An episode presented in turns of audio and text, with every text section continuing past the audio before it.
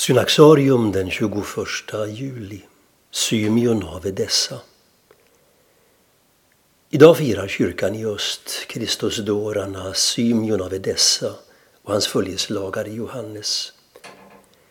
I spänningen mellan dårskap och vishet, mellan Guds värld och människornas uppträdde i den tidiga kyrkan de heliga dårarna. Åberopande Paulus ord den av er som tycker sig vara vis i världslig mening måste först bli en dåre för att bli vis. Tjänade de Gud under sken av att vara förryckta.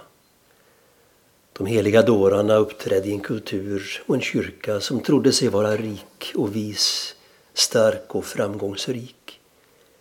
Genom oväntade handlingar och gåtfulla ord, utmanande och chockerande vittnade de om Guds rike som en annorlunda värld och manade sin samtid till omvändelse. Symeon, liksom hans medbroder Johannes, levde i staden Edessa på 500-talet.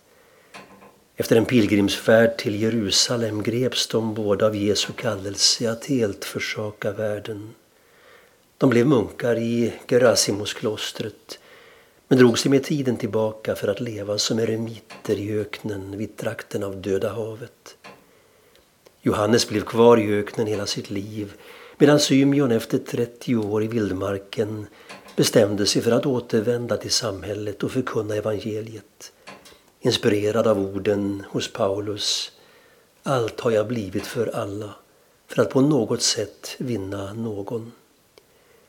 I Kristi kraft, sa Symeon, ska jag driva gäck med denna världen.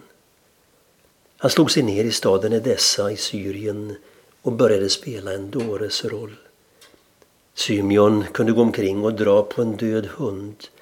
Han irriterade under gudstjänsterna genom att blåsa ut vaxljusen och kasta nötter. Allt för att störa friden och väcka omgivningen över det väsentliga, det försummade. Ett enkelt liv i Kristi efterföljelse. Genom att dölja sin helighet bakom till synes dåraktiga och meningslösa handlingar satte han fingret på det meningslösa liv många levde.